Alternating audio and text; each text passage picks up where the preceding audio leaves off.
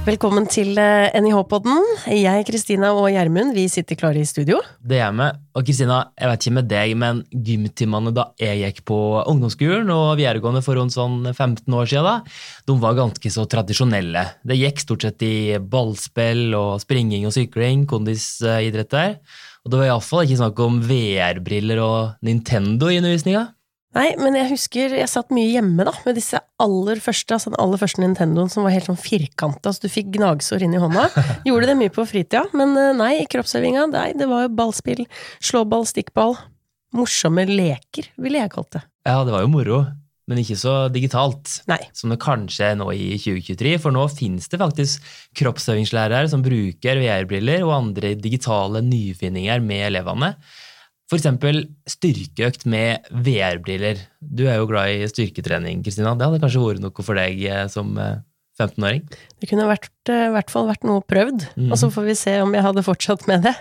Men eh, flere mener at bruk av digitale verktøy i undervisninga gir mer motiverte elever, og at de i tillegg får et positivt forhold til trening.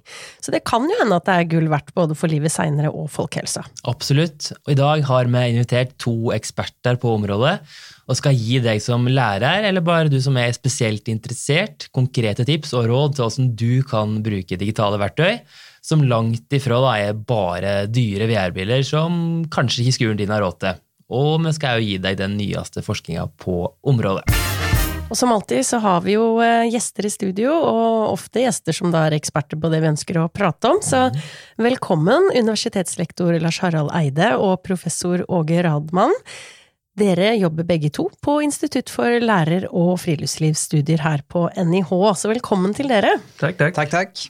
Fint til deg, Lars Harald. Men må jeg jo nevne at du i tillegg til jobben her, da, du er jo kroppsøvingslærer på Jordal eh, ungdomsskole her i Oslo. Eh, og så får du, da får du jo testa litt ut i praksis der, da. Eh, fortell oss, hvorfor skal kroppsøvingslærer bry seg om digitale verktøy, egentlig? Er ikke det bare leik og moro i gymsalen? Altså, det er egentlig et veldig enkelt spørsmål, for vi kan bare gå til læreplanen. Ja. For i læreplanen så er det gjennom kjerneelementene så står det at elevene skal eh, utforske. Og utforske, hvorfor kan man ikke da utforske også digitale verktøy? Så det er den første jeg vil gå til. Og så har vi jo grunnleggende ferdigheter. Og grunnleggende ferdigheter det er å kunne uttrykke seg muntlig, sånn som vi gjør nå. Og så skrive, kunne lese og kunne regne. Og så er det digitale ferdigheter. Og Norge ble først, faktisk det første landet i Europa som innførte da digitale ferdigheter som eh, spesifikk ferdighet i nasjonal læreplan. Og Der står det jo at elevene skal bruke digitale ressurser i undervisning i alle fag, også kroppsøving. Så, så det er kanskje den, det enkle svaret i dag, er at det, det skal vi gjøre. Og det er jo på en måte et tegn på at skolen, skoleverket også følger på en måte vår digitale tidsalder. Um, hadde de sittet fortsatt på skolen og skrevet i kladdebøker, så hadde man på en måte ikke hengt med. Men nå har jo vi nevnt litt i starten VR-briller som ett digitalt verktøy, men hva, hva legges i digitale verktøy? Altså, har du noen eksempler? Ja, for det er jo viktig altså VR-briller det er kanskje der vi er ytterst på, en, eh, på ett punkt. Så bruk av YouTube, samskriving, Altså Elever som samskriver, og skriver logger, skriver egentreningsopplegg eller planlegger undervisning sammen, det er bruk av digitale verktøy. Så det er viktig for lærere å liksom vite at du må ikke bruke VR-briller og Exergames i undervisning for at du skal kunne krysse at man bruker eh, digitale verktøy. Så digitale verktøy kan være veldig mye. Veldig mange telefoner, iPader, eh, smartklokker. Det er mange muligheter, men kanskje så enkelt som å skru på en prosjektor og bruke PC-en sin kan være til veldig stor hjelp. Og kanskje en ekstra lærer i gymsalen når du trenger det. Mm. Kult. Eh, du må fortelle litt om hvordan du har brukt det konkret da, i forskjellige timer og øvelser. Jeg vet du både har testa det på ungdomsskole og med lærere på videregående, eller på videreutdanningskurset på, på Beitostølen, som NIH har hvert år. Ja, altså elevene eh, Jeg har sjøl testa det på ungdomsskoleelever. Mm. Jeg har hatt studenter her på idrettshøyskolen som har vært i praksis på videregående. Som har testa det ut på videregående elever. Og så har jeg sjøl testa det på lærere. Eh, flest lærere i videregående. Lærerne er mest skeptiske. de er skeptiske, eh, men det som er bra når de har kommet på kurs, er at de er der for å erfare og kjenne på at ok, nå får jeg argumenter for hvorfor jeg er skeptisk. Og så er noen av dem blitt uh, gått ut herfra og tenkt at ja, dette har noe for seg. Dette har jo virkelig noe jeg kan bruke og ta i bruk i undervisning.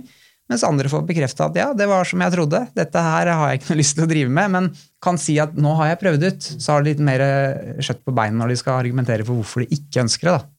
Hva, hva, tror du ligger i skepsisen? Så handler det om at vi har to forskjellige generasjoner her. Altså Elevene vokser jo opp med en iPad i hånda omtrent, ikke langrennsski lenger, men en iPad.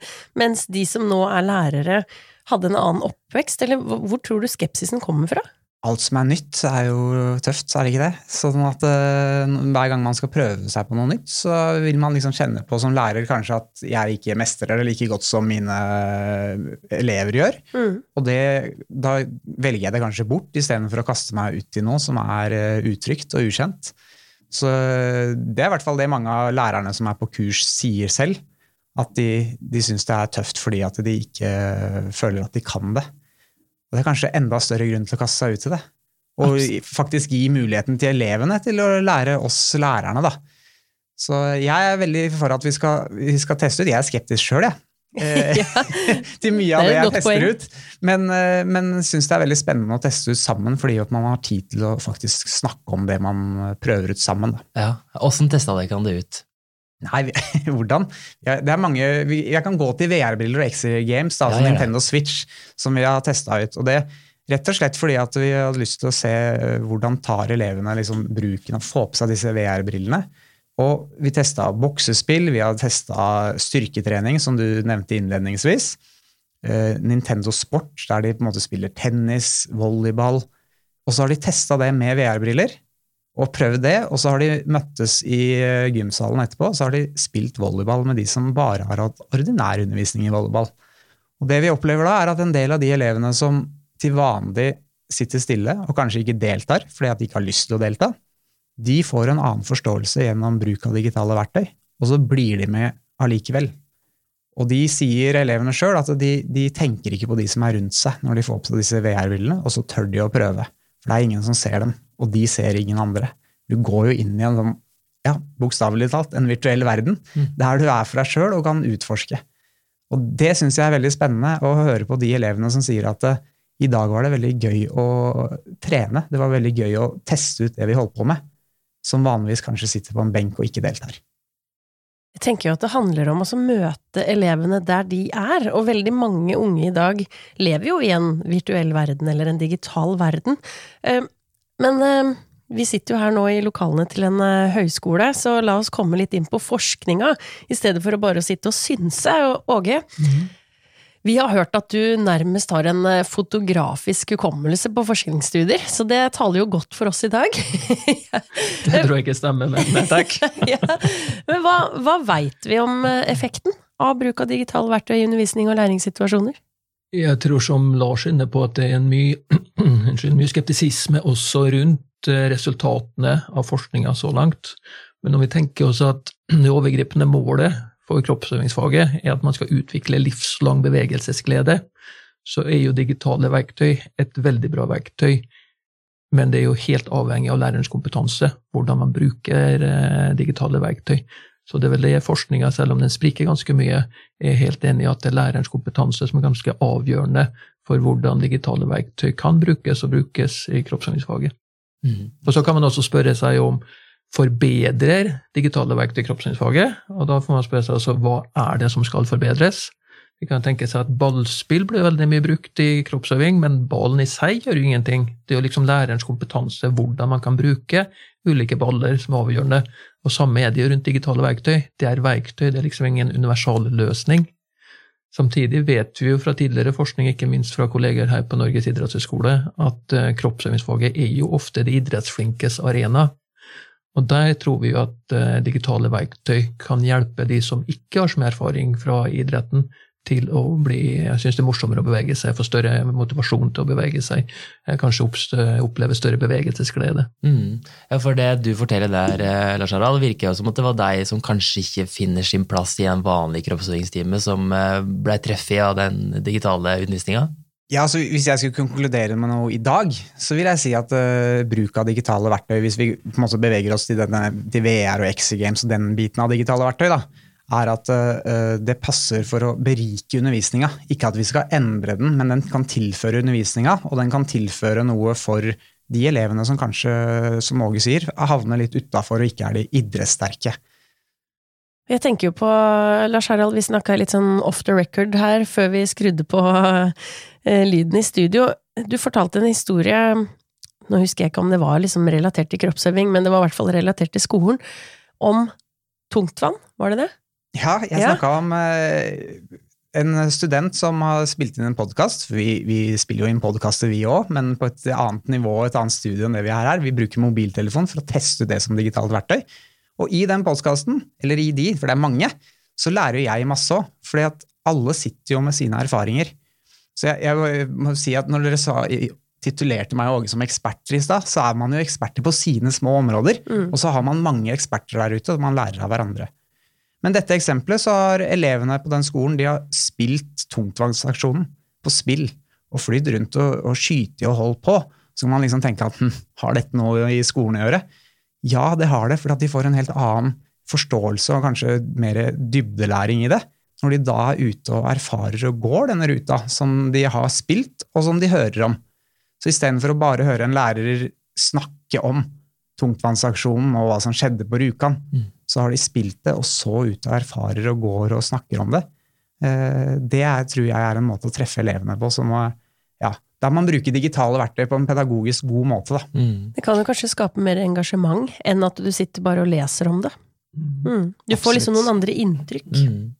Men det kan ha jo et uh, eget nettemne her på NIH, eh, digital didaktikk i kroppsøving, som det kan ha. har. Og det kan, det, jo inne på at det, er jo veldig stort sprik mellom lærere sine digitale ferdigheter. Og det viktigste det kan formidle til lærerne gjennom det emnet der, da? egentlig som jeg var inne på nå, at vi må være eksperter for hverandre. At vi lærer veldig mye av å diskutere og fortelle om hva er det jeg har erfart som har vært bra.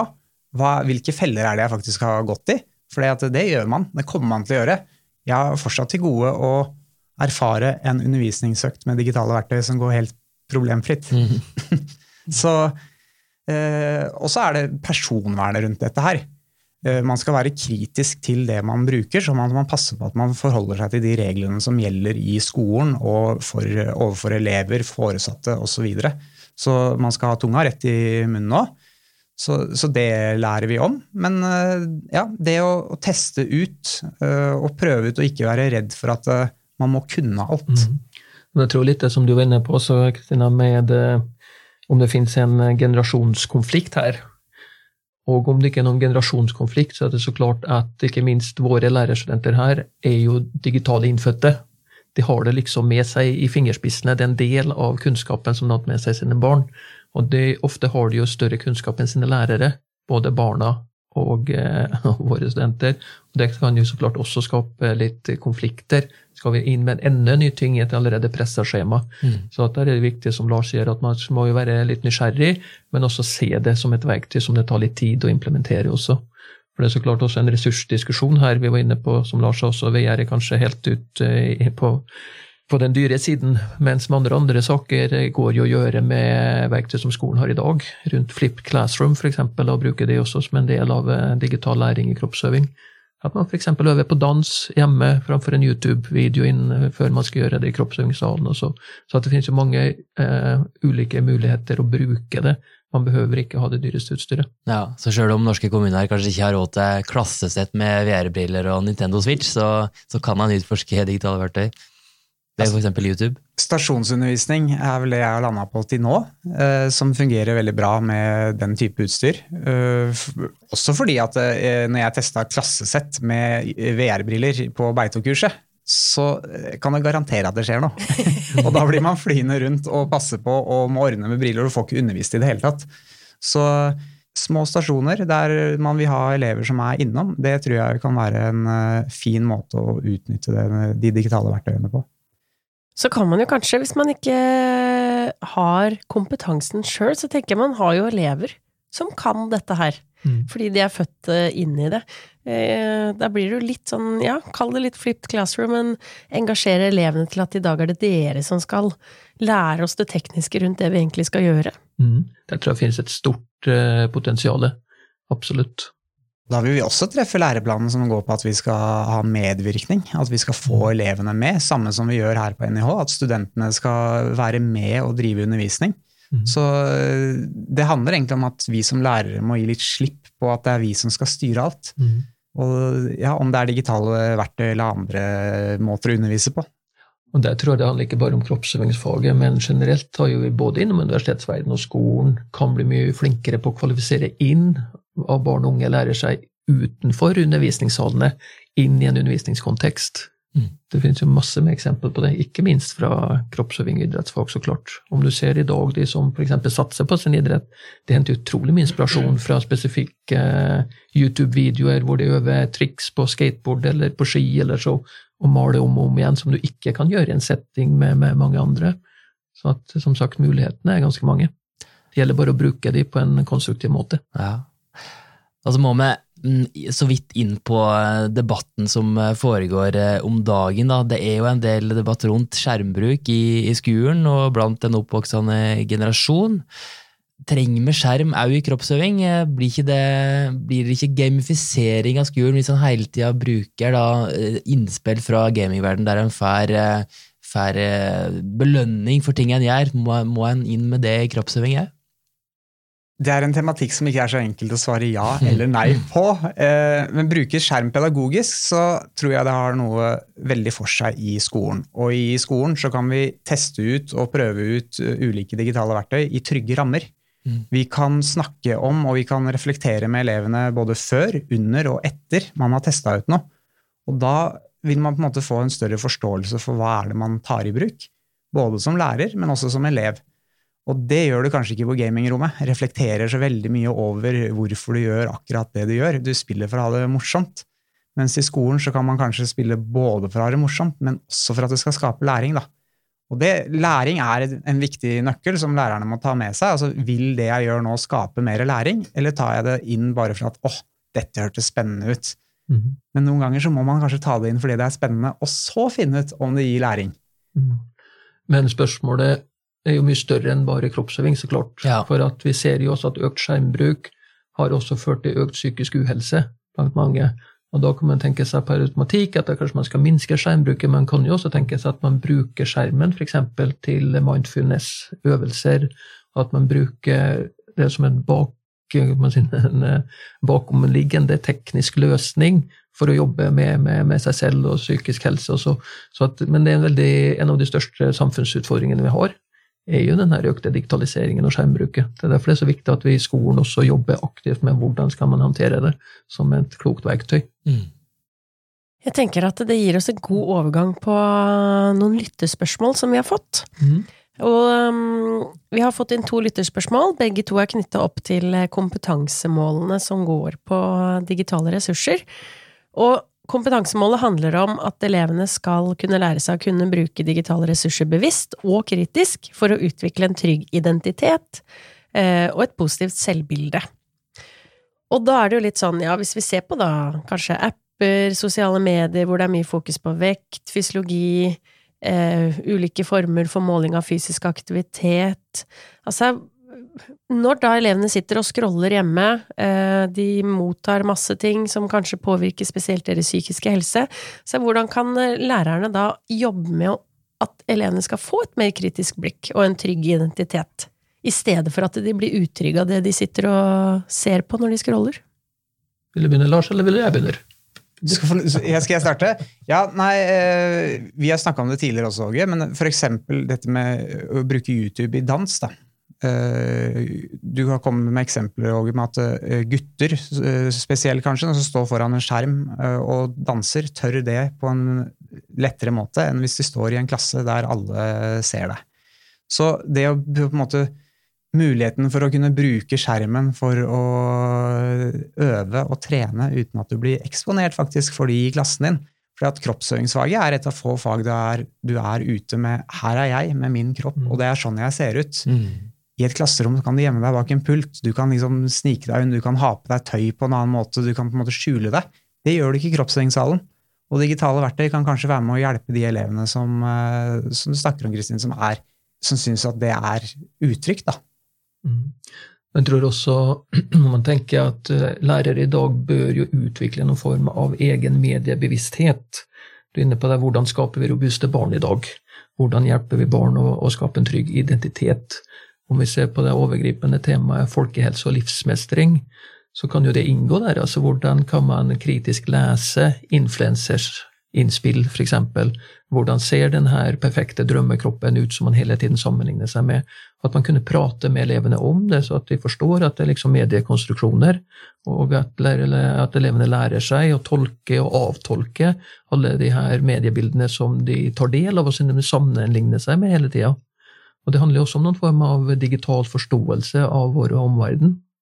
Der var det faktisk et eh, doktorgradsprosjekt på Instituttet Dekkans eh, tidligere i år som handla om at det var for lite undervisning om helse i kroppsøvingsfaget. Mm. Og hun, terminaten der oppfordra lærerne til å snakke mer om, om, helse og planlegge undervisning om helse mer i, i kroppsøvinga. Den kan jeg kan lese mer om på NIH.no. Jeg kan legge den ut i, på NIH-poden sin Instagram òg. Mm. Så det er jo kanskje et poeng at jeg må tenke litt mer, eh, planlegge den undervisninga der. Absolutt. Og Det var Johanne Mong sin avhandling, og eh, hun viser jo at det, det, er vanskelig å undervise rundt helse, for det er så bredt. Mm. Det kommer inn så utrolig mye. Da er det mye lettere å undervise i fysiologi og helse, f.eks. Hvordan eh, gjøre de og de øvelsene. Men det er overgripende mer holistiske, salutogene perspektivet på helse. Hvordan skal man undervise rundt det? Som handler jo om trygg identitet, eh, skape robuste barn og så. Men det er absolutt viktig å ha en diskusjon om hvordan underviser man på en klok måte rundt helse.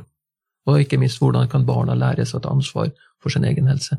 Og kanskje spesielt relevant i kroppsøvingsfaget, da, mm. der han blir eh, på sosiale medier, der han blir utsatt for, eh, for kropps, urealistiske kroppsbilder, kanskje, mm. som for en 15-åring som vil oppnå drømmekroppen. Det er kanskje ikke mulig på ungdomsskolen, og det er kanskje en jobb for lærere å, å formidle det. Ja, det er der jeg tenker at vi har en unik mulighet som lærere da, til å reflektere og ta med elevene på sunne diskusjoner rundt hva de faktisk blir eh, utsatt for når de drar hjem og sveiper både hit og dit og får med seg veldig mye som de sitter kanskje aleine med, eller i en eh, flokk med venner som kanskje ikke er like kritisk blikk på det de, de ser. Men en annen utfordring som jeg eh, trodde jeg skulle møte på, var at det skulle bli veldig lite sosialt og lite samspill med elevene hvis de drev med spill og drev med digitale verktøy i kroppsøving. Eh, og da, Jeg har juksa litt, så jeg har med noen sitater fra elever som ja, det viser, det, viser, det, absolutt ja. motsatte. Og det syns jeg, jeg, var veldig spennende. fordi at De skriver at jeg likte det med utprøving eh, fordi at det var ganske gøy å bevege kroppen på en annen måte. Så det, det var sånn, ja, Bevege på en annen måte, det var spennende at de, at de sier. Og så er det videre på at jeg likte at man kunne spille flere samtidig. Det ble mer sosialt, og det var veldig gøy. Det, sånn, det, trodde jeg ikke. Så det å få disse elevene som snakker om at det ble mer sosialt, og så satt jeg og observerte når de spilte, og de hjalp hverandre med å komme videre i spillet, og de kunne forklare at jeg gjorde sånn og sånn. Eh, så de utforsker jo spill og er i bevegelse på en helt annen måte, og kanskje mer enn det jeg trodde fra før av. Og da får jeg sånn den skepsisen min, da, at jeg liksom, ja, får kjenne på at eh, kanskje jeg ikke skal være så skeptisk da, til å ta i bruk og det å samarbeide og komme i kontakt med hverandre, det kan også være med på å skape god helse. Mm. Det er litt inn på samme linje, da, Lars, for at vi pratet tidligere om at det, veldig, det, kan være veldig dyrt, men det kan jo også være mye billigere. Om man tenker seg en del Alexa Games, f.eks. tennis, som er veldig ressurskrevende. Stor fysisk eh, plass kreves. Mange skoler har ikke tilgang til det. Men spiller man tennis et extra game, så kan man jo få litt av samme følelsen av, eh, av samme bevegelsen, altså uten at man trenger tilgang til en tennisbane. Selv om de liksom ikke er direkte utbyttbare, så får man i hvert fall et innblikk i hvordan man kan spille tennis uten å ha tilgang til en tennisbane. Ja, Det er jo et godt poeng. Mm. Skal vi ta det andre ja, lytterspørsmålet? Det å da typ spille tennis, om det så er faktisk tennis eller uh, ved et spill, så får man jo bevegelseserfaring. Og det mm. handler det siste lyttespørsmålet om. Og det er knytta til kompetansemålet om at elevene skal lære seg å bruke digitale ressurser til å utforske, være skapende og løse praktiske utfordringer i faget. Og da går spørsmålet på at hvordan kan man da bruke digitale ressurser for å understøtte læring, uten at det går på bekostning av de kroppslige erfaringene som elevene skal erfare? Og da kommer det liksom et eksempel med at eh, ja, hvis man bruker YouTube for å utforske instruksjonsvideoer, vil det da gå på bekostning av bevegelseserfaringen og stå i veien for kompetansemålet i faget? Skal vi si at det kan komplettere, helt klart. For at det er viktig som du tar, er hva er kompetansemålene, hva er det som skal forbedres? Men som Lars var inne på, også, om man tenker seg at eh, et av kompetansemålene er at man skal lære seg ulike danser, så kan jo dels det med Flip Classroom, at man får øve på ulike danser alene, styrke tilliten og identiteten, om man våger å vise seg på dansegulvet sammen med andre. Og det kanskje man ikke gjør om man ikke får lov å øve litt selv fremfor YouTube-videoen. Så jeg ser ikke at det behøver å være noe direkte motsatsforhold mellom det. Så er det kanskje sånn at undervisningsmetoder som vi er med på å bruke nå, som virker effektive i forhold til å skape bevegelsesglede, kanskje ikke er det som er mest effektivt i morgen, når det er kommet noe nytt, og som vi ennå ikke har uh, turt å prøve ut. Så det ligger kanskje et uforløst potensial der som vi ikke vet om. Mm. Som gjør at uh, jeg tror ikke det bør gå på bekostning av det å være i bevegelse. Jeg tror heller er at vi ikke har klart å utnytte det som er der ennå. At vi har, som lærere ikke har god nok kompetanse til å utnytte det som allerede er. Mm. Ja, absolutt. Og litt, litt, sidespor, kanskje, men man ser jo også at de her XA Games kan jo brukes på tvers av generasjoner, når vi prater litt eh, utfordringer rundt generasjoner. Men nå kan man f.eks. barnebarn og mormor og morfar spille samme spill og gjøre noen form av samme bevegelser. Og så er det så at det er, som Lars er inne på, det er et uutnyttet potensial, men det er et veldig godt verktøy. Men vi som lærere må være litt mer nysgjerrige og eksploaterende hvordan vi vil bruke de her verktøyene. Mm. Dette blir en spennende utvikling å se. Det blir jo eh, Når ungene Konst, da, som er to-tre år nå, kommer på ungdomsskolen, så jeg lurer jeg veldig på åssen kroppsøvinga er. Det blir eh, moro å se, Kristina. Det blir det. Mm, men vi kan jo prøve å oppsummere litt da, for, for dekkene som hører på. Hva skal en ta med seg ut fra denne episoden? Hvordan kan en bruke digitale verktøy, og hvordan skal en ikke bruke det? Der var du inne på noe, Lars Harald. Og det er det beste Nei, altså, måten. Det det, det, viktigste er at man tør å ta det i bruk. At man bruker elevene og seg sjøl til å teste ut. Det tror jeg på en måte er det viktigste. Uh, og så må man være kritisk til på en måte, hva er det man setter i gang med. Altså Passe på at man forholder seg til de reglene og, og, og de normene som er rundt dette. Sånn at man ikke bryter noe og ender opp med at eh, rektor som vil stå ansvarlig på en eller annen skole for at du tar i bruk noe som ikke er greit. Men uh, å bruke elevene uh, og ja, utforske sammen. Ikke, ikke være redd for å, at man skal være ekspert. For det tror jeg ikke vi er noen av oss egentlig. Nei. Og kanskje ikke bruke det til hele klassa, men deler av klassa, var du inne på? Ja, dette med stasjonsundervisning. det er altså, Som jeg sa tidligere, hvis jeg skal konkludere med noe nå, så er det det å bruke det som, til å berike undervisninga, og bruke det som stasjonsundervisning. Eh, sånn at eh, For det, jeg kan ikke gi det til noen elever. Det har jeg prøvd. Da er det noen som Hvorfor får ikke jeg lov? Mm. så det, den ender man på, så man må på en måte innføre det for alle, men alle trenger ikke å prøve det samtidig. Mm. Jeg tror også det også at vi kan utvikle pedagogiske modeller som liksom tar eh, den digitale teknikken og digitale verktøyenes både muligheter og begrensninger inn i en pedagogisk kontekst. Og der er jo lærerne veldig viktig. Men litt det Kristina som du var inne på, så det er klart at lærerne er superviktig. Også hvordan man inkluderer elevene i denne utviklinga. Så eh, det er, som dere sier, en veldig spennende utvikling vi har foran oss. Tusen takk for at dere stilte opp i NIH-podden. Takk selv. Takk, takk. Mange gode innspill for eh, deg som lærer, tror jeg her. Og så er det bare å følge med på NIH-podden eh, på Instagram, for der legger vi alltid ut eh, tema for episoden i forkant, og da er det mulig å komme med lytterspørsmål. Redigerer for denne episoden, det var Eskil Birkeland. Vi høres.